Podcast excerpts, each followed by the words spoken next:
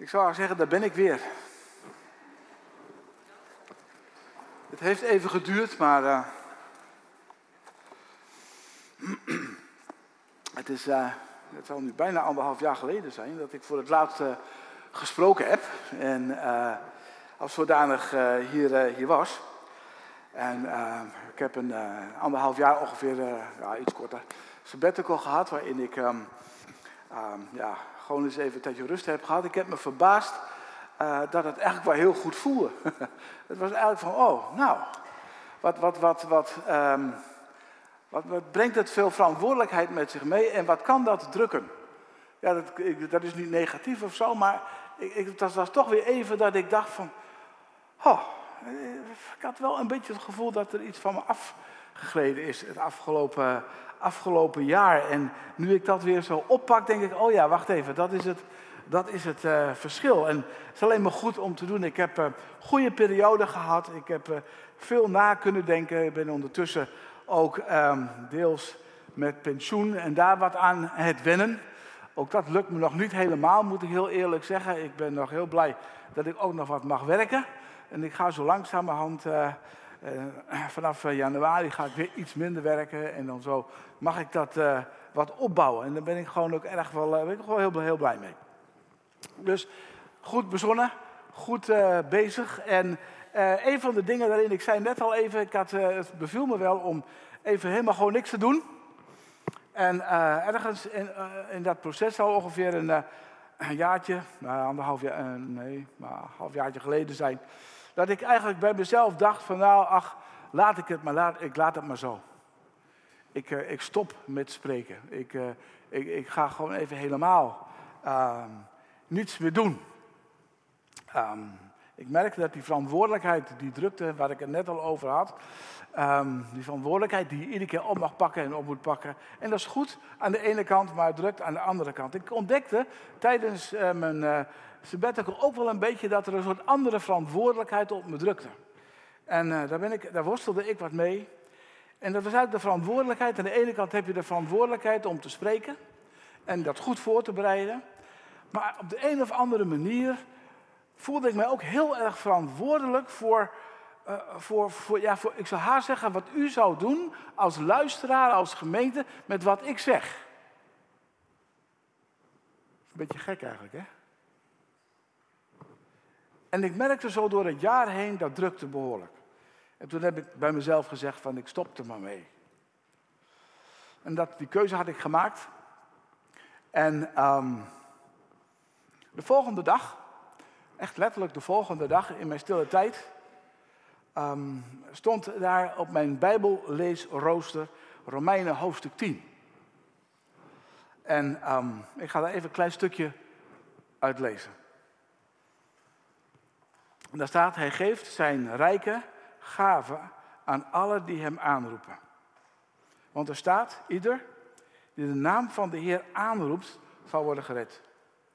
Maar hoe kunnen ze hem aanroepen als ze niet in hem geloven? En hoe kunnen ze in hem geloven als ze niet over hem hebben gehoord? En hoe kunnen ze over hem horen zonder dat iemand hem verkondigt. En hoe kan iemand verkondigen als hij niet is uitgezonden? En ik ben uitgezonden. Ik heb een bijbelschoolopleiding gedaan. Ik heb heel veel gedaan al in, en op dit vlak. En het was alsof de Heer tegen mij zei: Hans, voel je vrij. Als je wil stoppen, dan stop je. Prima. Maar dit zijn mijn woorden voor jou vanmorgen. Het gaat om geloof bouwen. Door mijn woord uit te spreken, bouw je geloof. Dat is jouw verantwoordelijkheid. En wat de gemeente ermee doet, dat is hun verantwoordelijkheid. Dus vanmorgen pak ik mijn verantwoordelijkheid en dan hoop ik dat u morgen, vanmiddag, uw verantwoordelijkheid pakt. Weet u, die gedachte heeft mij vrijgezet. En uh, heb ik opnieuw gekozen om um, te gaan spreken, deel te gaan nemen. En dat doe ik ook wel weer. Vanaf september neem ik deel aan het onderwijsteam. Ben ik weer bij betrokken om mee te denken. En vanaf vandaag mag ik ook weer actief spreken. Ga ik dat doen. En um, dus uh, nou, dat is even de kleine inleiding op uh, ja, vanmorgen, waarin we het gaan hebben over engelen. Moet u heel eerlijk zeggen, toen ik dat onderwerp kreeg, dacht ik, oh nee. Engelen. Christian weet het nog wel. Wat moet je nou toch in de wereld met dit onderwerp? Ik moet u wel zeggen dat ik blij ben voor de preek van Sven vorige week. Heeft u er ook een beetje van genoten? Ik vond een geweldige preek. En, um, want het heeft ook mij weer geholpen um, om stil te staan bij die realiteit van die onzichtbare wereld. We weten natuurlijk allemaal dat die er is, hè? Want ons geloof is daar voor een heel groot deel op gebaseerd. Maar dat hij het weer even had over engelen. Dat hij het had over demonen. Het kwade en het goede en de hemelse strijd. En ja, misschien vindt u dat raar. Ik was er toch weer eventjes, mijn focus was daar toch weer eventjes uit weg. Want inderdaad, we hebben als mensen, en we zijn er allemaal als gelovigen, op een of andere manier zijn we onderdeel van die geestelijke strijd. Van die wereld die zich afspeelt achter de wereld die we niet zien. Als we het hebben over engelen, eh, trouwens ook over demonen en al dat soort uh, gespuis, zullen we zeggen, dan hebben we het over een andere dimensie. We dat, ja, wij zijn hier, dit is een dimensie. Maar die andere dimensie, die geestelijke dimensie, die is hier ook. Alleen die zien we niet. Want een engel kan hier zomaar even binnenlopen. Door een deur die wij niet zien. Maar hij is er wel.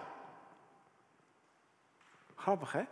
Ik heb heel lang gedacht dat engelen een paar miljoen kilometer moesten vliegen om bij ons te komen. Misschien dacht u dat ook al vroeger. Die komen dan ergens ver weg uit het heelal hier naartoe snellen met een noodgang. Nee, nee, nee. Engelen. Gelooft u in engelen? Wie gelooft in engelen? Nou, dat zijn toch de meeste van u. Wie heeft wel eens een engel gezien?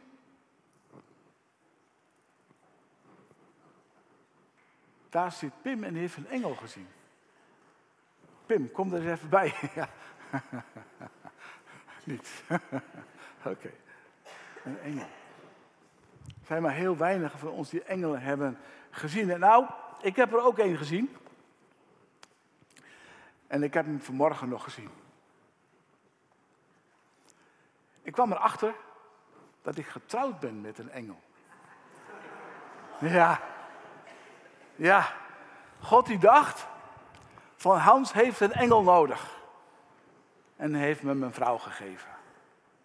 Een geweldige engel. Dus als u nog eens een engel wilt zien, dan uh, komt u maar naar me toe, gaan we een afspraak maken en dan komt u gezellig bij ons eten of zo. Dus ik kan goed koken. Ik weet niet of die andere engelen dat ook goed kunnen, maar deze engel kan dat goed. Trouwens, even nog iets uit mijn uh, sabbatical heeft daarmee te maken. Ik heb ervoor voor gekozen om niet elke week in de kerk te zijn. En uh, de ene keer ben ik in de kerk. En de andere keer ben ik bij mijn engel thuis. Soms spreek ik ook elders. Het kan zomaar zijn dat ik zo een tijdje dan niet in de kerk ben. Dan is er niks aan de hand. Het gaat helemaal goed met mij. Maar dan weet u een beetje dat ik dat, mijn tijd wat verdeel. Ik en mijn engel wij komen uit een katholiek huis. En daar ben ik opgegroeid met het uh, principe, of met het gegeven van de engelbewaarder. Kent u dat? En uh, mijn dochter die, uh, die is bezig met, met, met het luisteren en lezen van Toon Hermans. En op een gegeven moment, uit die traditie van de engelbewaarder, en ik kende het liedje eigenlijk wel, kwam dat liedje weer naar voren. Misschien kent u het wel. Mijn engel Gabriel. Ik ga er even een stukje uit voorlezen. Ik had een eigen engel. En hij heette Gabriel. Die engel had ik nodig want ik kneep hem als de hel. Hij sloeg meteen zijn vleugels uit bij elk gevaarlijk spel. Een heilig soort gevogelte, mijn engel Gabriel. Nu zit ik diep te denken wat het bidden toch zou zijn. Dat deed ik vroeger nooit en daarom ging het toen zo fijn. Ik steek nog wel eens een kaarsje aan en ik sla nog wel eens een kruis. Maar het gaat toch niet zo lekker meer als vroeger bij ons thuis. Toch heb ik wel eens heimwee naar mijn engel Gabriel. Ik heb hem wat verwaarloosd, ja, dat weet ik wel.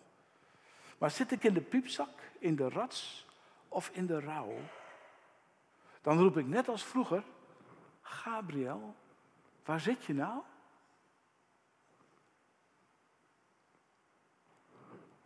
En toch is het niet zo gek wat Toon hier zingt. Ik las uh, van de week uh, Psalm 34, volgende slide. En daar staat dit. De engel van de Heer waakt over wie hem vrezen. En bevrijdt hen. Engelen. Je kunt er verschillende gedachten over hebben. Je kunt ze gezien hebben of meegemaakt hebben. Of, maar, maar ze zijn er. En dat is eigenlijk heel bijzonder. Dat we in ons geloof, in onze geloofsbeleving, dat we er rekening mee mogen houden. Dat we ons bewust mogen zijn van engelen, op welke manier dan ook. En dat brengt ons bij ons Bijbelgedeelte van vanmorgen, Lucas 1.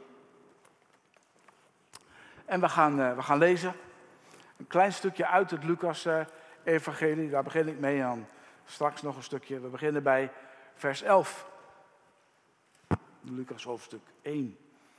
En hem verscheen een engel van de Heer, staande ter rechterzijde van het reukofferaltaar. En Zacharias ontroerde bij dat gezicht. En angst beving hem. Maar de engel zeide tot hem: Wees niet bevreesd, Zacharias, want uw gebed is verhoord en uw vrouw Elisabeth zal een zoon baren. En je zult hem de naam Johannes geven.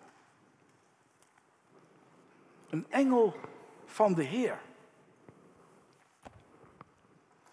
Gabriel. We hebben het vandaag niet over engelen, maar eigenlijk over één engel die in twee situaties zich aan ons voordoet in dit hoofdstuk van Lucas. Engel. Engelen.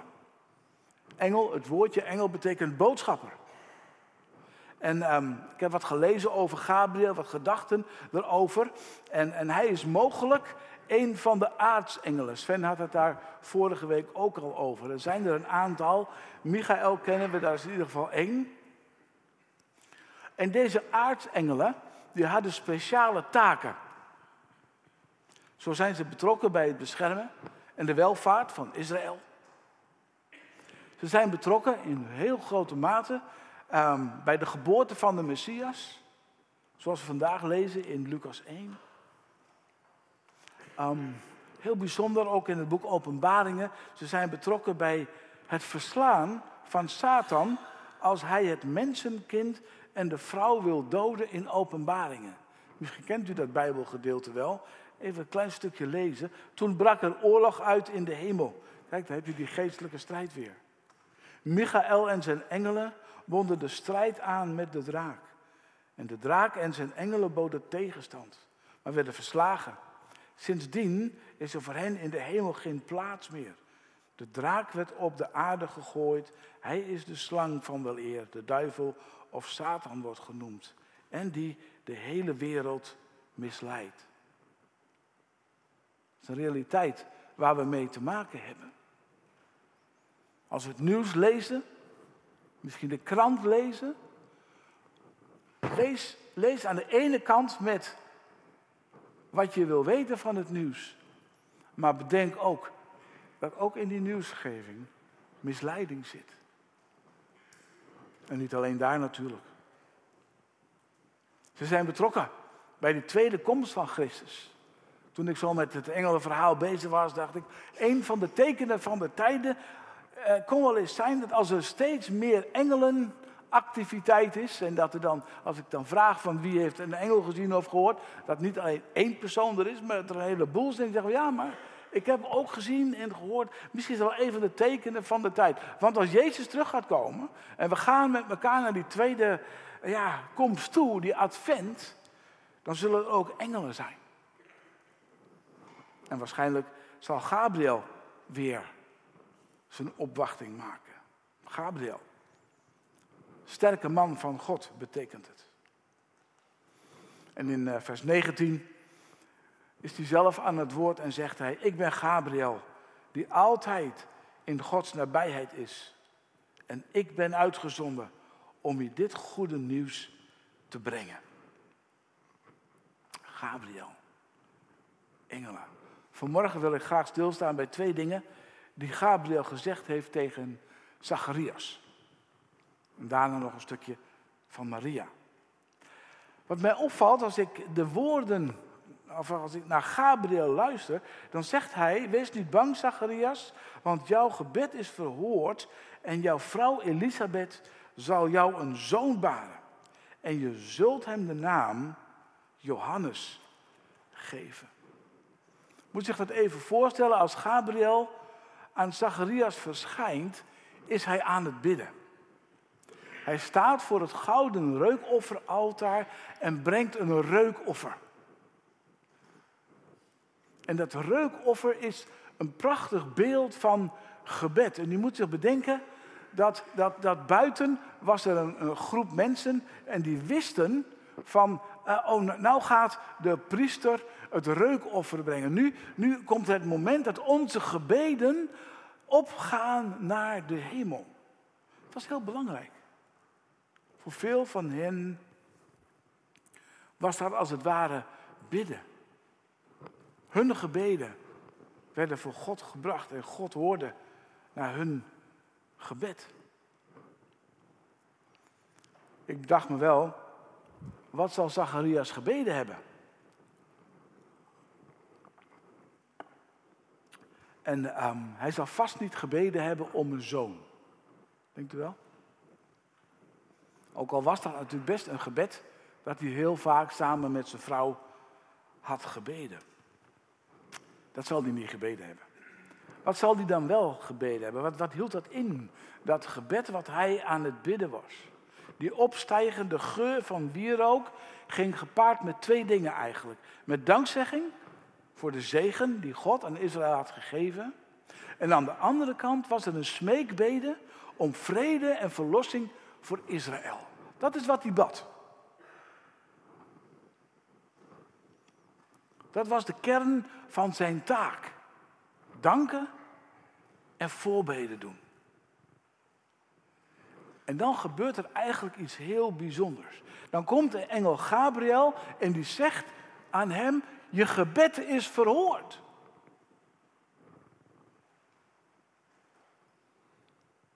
Zacharias, je bed, je gebed, sorry, om verlossing van Israël en om de komst van de Messias is verhoord. Maar de manier waarop de Heer dat dan verhoort, is heel bijzonder. Want hij verhoort het gebed van Zacharias door de geboorteaankondiging van Johannes. Vindt u dat niet bijzonder? Ik, toen, ik dat, toen dat tot mij doordrong, dacht ik, oh wat is dat, wat is dat toch eigenlijk bijzonder. Dat dat, dat gebed, wat eigenlijk elke dag wordt opgezegd, dat dat, dat dat verhoord wordt, dat Zacharias zegt, de Messias gaat er komen. Maar dat doet hij op zo'n bijzondere manier dat hij ook het gebed van Zacharias en zijn vrouw verhoort. En dat hij alsnog vader wordt. En dat zijn zoon een belangrijke rol gaat spelen in de komst van de Messias. Hij zal voor de Messias uitgaan. En hier leer ik eigenlijk een prachtige les. Gabriel leert mij hier dat het voor God nooit te laat is om een gebed te verhoren. Ook al is dat gebed lang geleden gestopt. Kent u dat? Misschien kent u dat wel. Misschien heeft u ook al zo'n gebed, wat u maar blijft bidden of gestopt bent met bidden. Sta er niet raar van te kijken dat de Heer ergens een keer dat gebed alsnog verhoort. God die, die verbindt als het ware het grote belang van de komst van de Messias. En verbindt het als het ware met dat, ja, als je dat klein mag noemen, met het kleine van dat hij toch vader wordt. Wat een prachtige les. Don't give up, zegt Gabriel eigenlijk. Of zegt God eigenlijk door Gabriel heen. Tweede, wat ik uh, graag even zo voor het voetlicht wil brengen. Het tweede wat hij, zijn de laatste woorden van uh, Gabriel. Gabriel, volgende. Nee, dat staat er nog. Gabriel eindigt met de woorden. En Johannes zal voor de Messias uitgaan in de geest en kracht van Elia om het hart van de vaderen te bekeren tot de kinderen. Daarmee sluit Gabriel eigenlijk de woorden af die hij spreekt tot Zacharias. En dit zijn bijzondere woorden.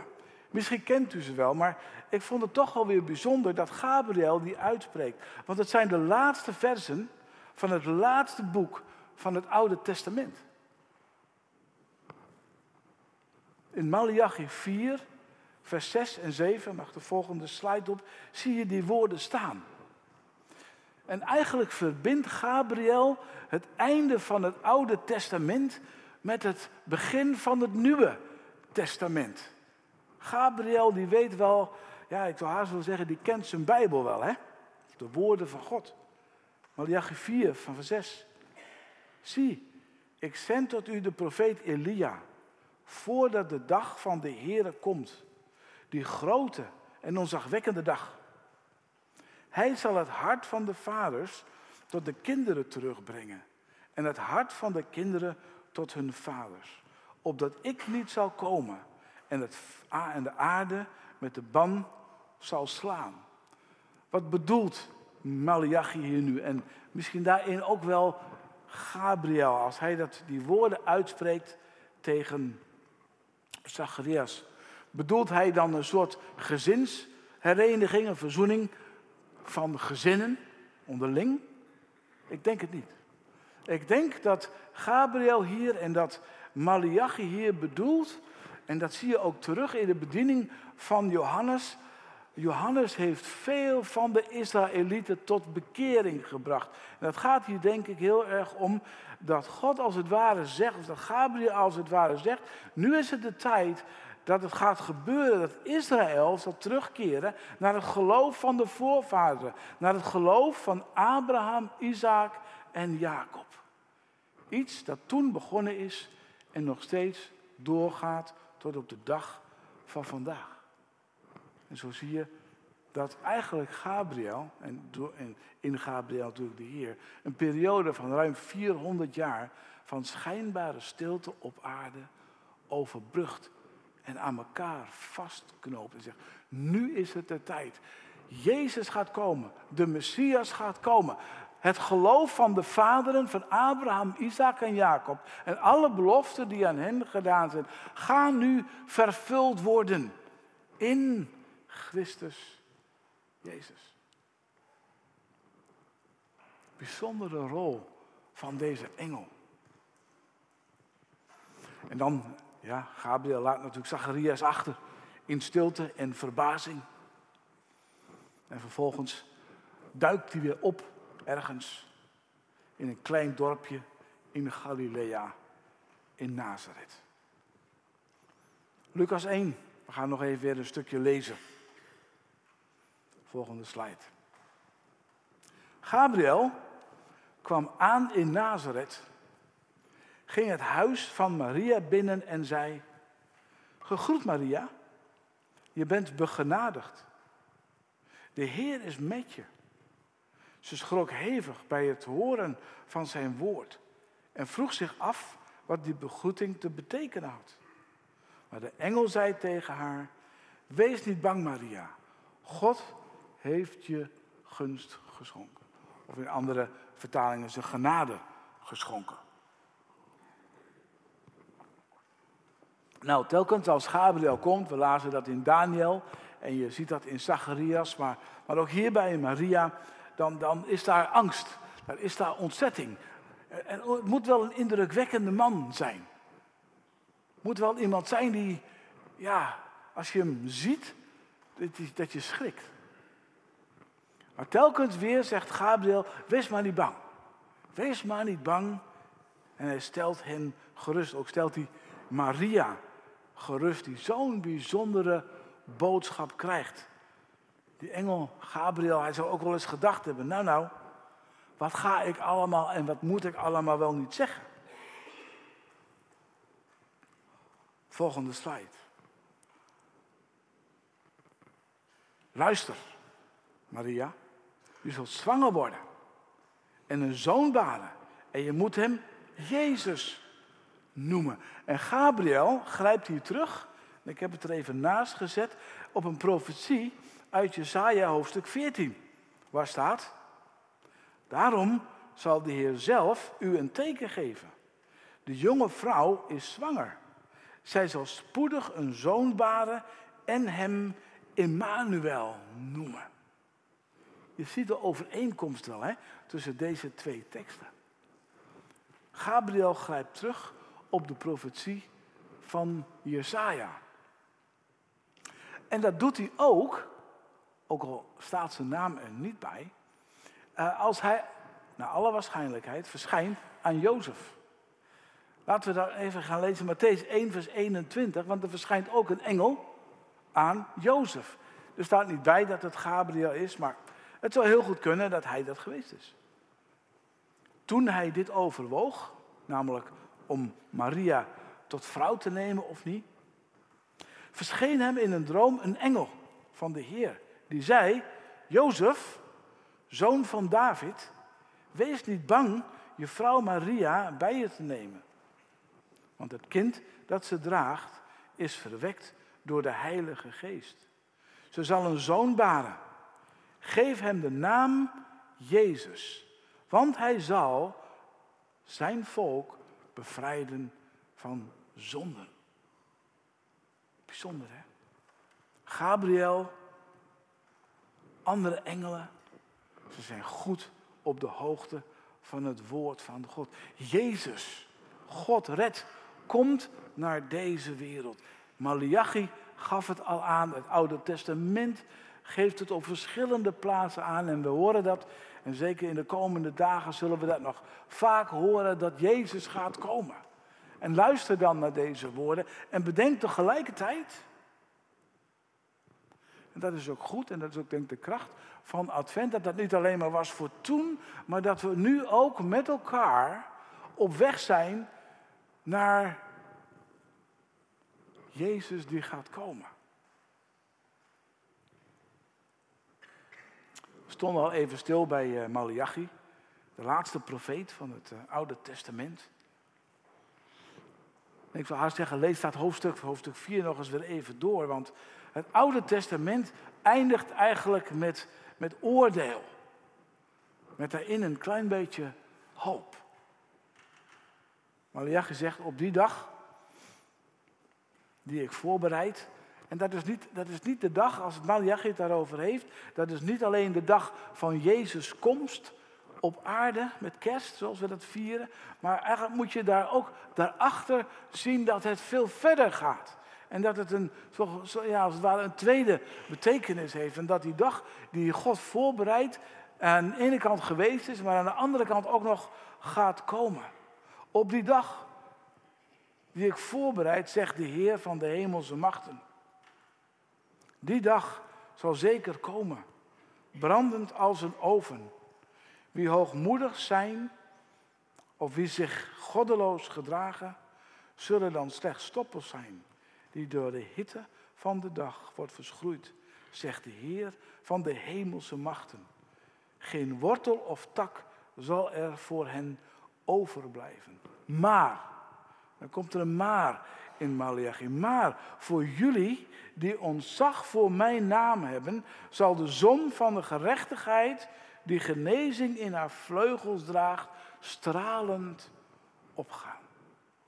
Dat is het einde van Malachi. En eigenlijk vind ik dat heel mooi als hier staat, maar voor jullie die ons zegt voor mijn naam hebben, zal de zon van de gerechtigheid opgaan. Nou, dat beeld ken ik wel, kende ik ook wel, maar ik vond het ook heel mooi dat hier ook zo, zo staat. En ik weet niet eh, in hoeverre daar, eh, hoe de engelen daar precies bij betrokken zijn, maar, maar, maar toch staat daar iets van die genezing in haar vleugels draagt.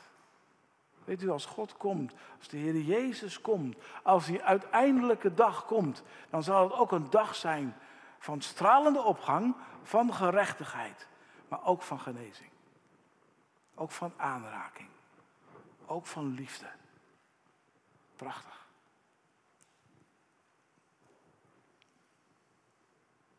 Gabriel.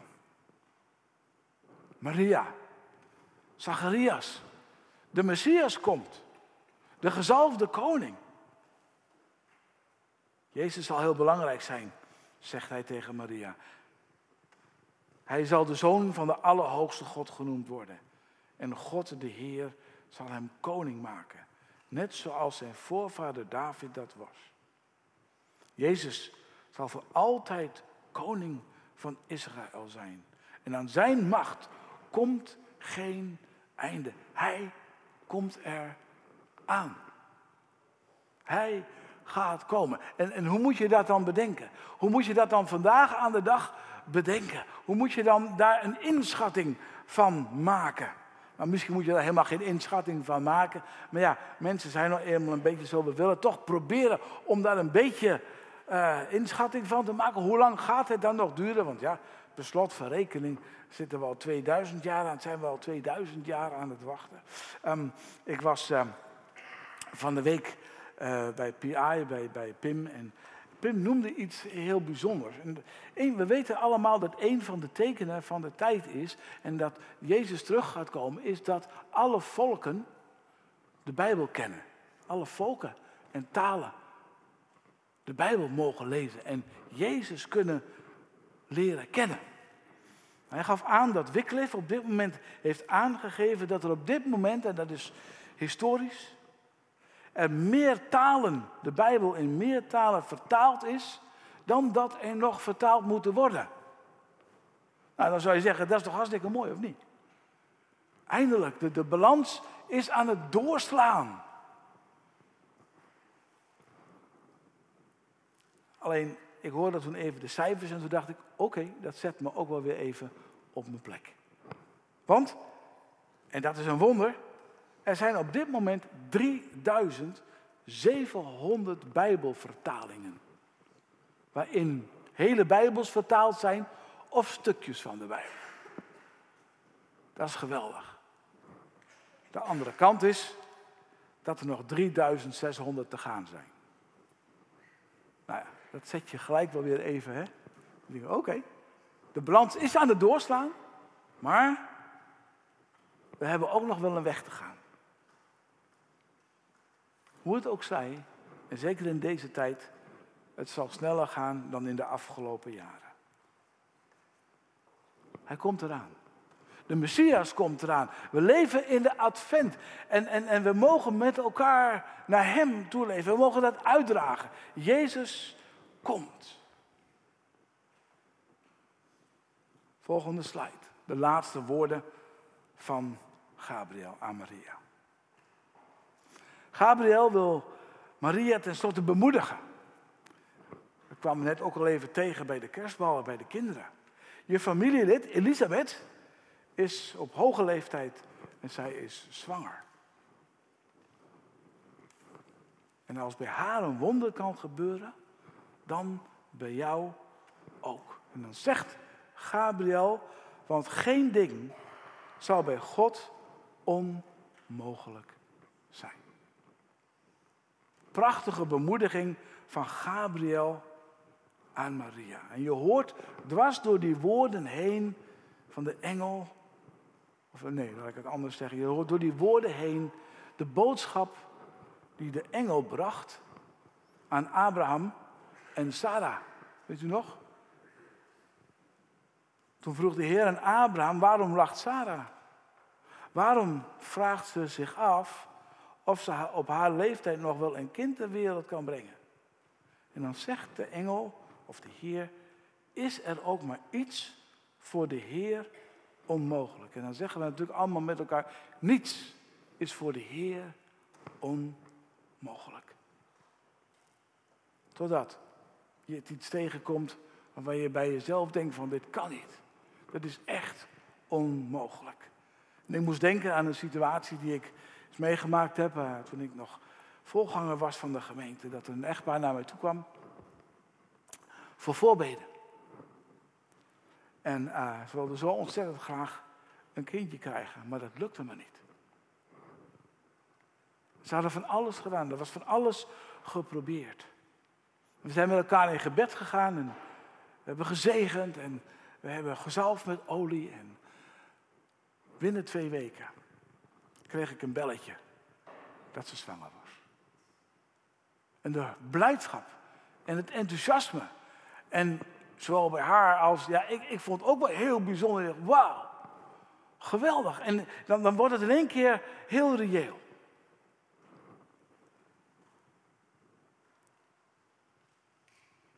Jezus zegt het zelf. Wat bij mensen onmogelijk is, is mogelijk bij God. Zelfs Job in zijn lijden zegt het. Ik weet dat u alles kunt. Voor u is alles mogelijk. Er zijn 3700 vertalingen, maar die andere 3600 die moeten ook nog komen. Het is allemaal mogelijk. En we denken, ah oh, Heer, misschien is er iets in uw leven waarvan u nu zegt, dat is niet mogelijk, dat is onmogelijk, dat kan niet. Denk dan aan deze woorden van Gabriel, aan de woorden van Jezus, aan Job vanuit zijn lijden. Geen ding is bij God onmogelijk.